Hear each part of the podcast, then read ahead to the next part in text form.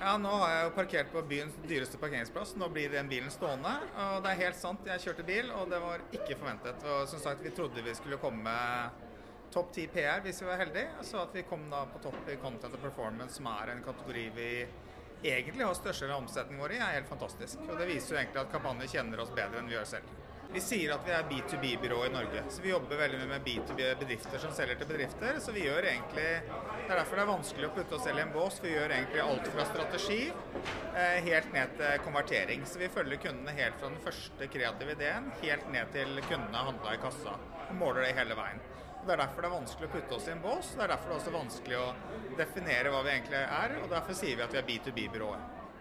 Tina sa her i stad, så er vi jo fantastisk stolte. Tina, jeg og Britt Ingvild som ikke er her i kveld, fordi at uh, av årsaker tidligere nevnt, vi startet dette byrået for ti år siden. Det har vært en fantastisk reise.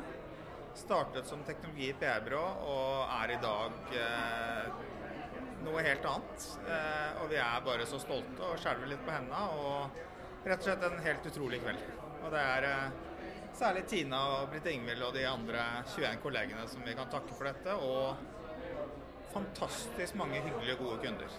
Det absolutt viktigste for oss er kundetilfredshet. og Det er det vi håper har gjort at vi står her i dag også. At vi er best på kundetilfredshet. Det er målet vårt.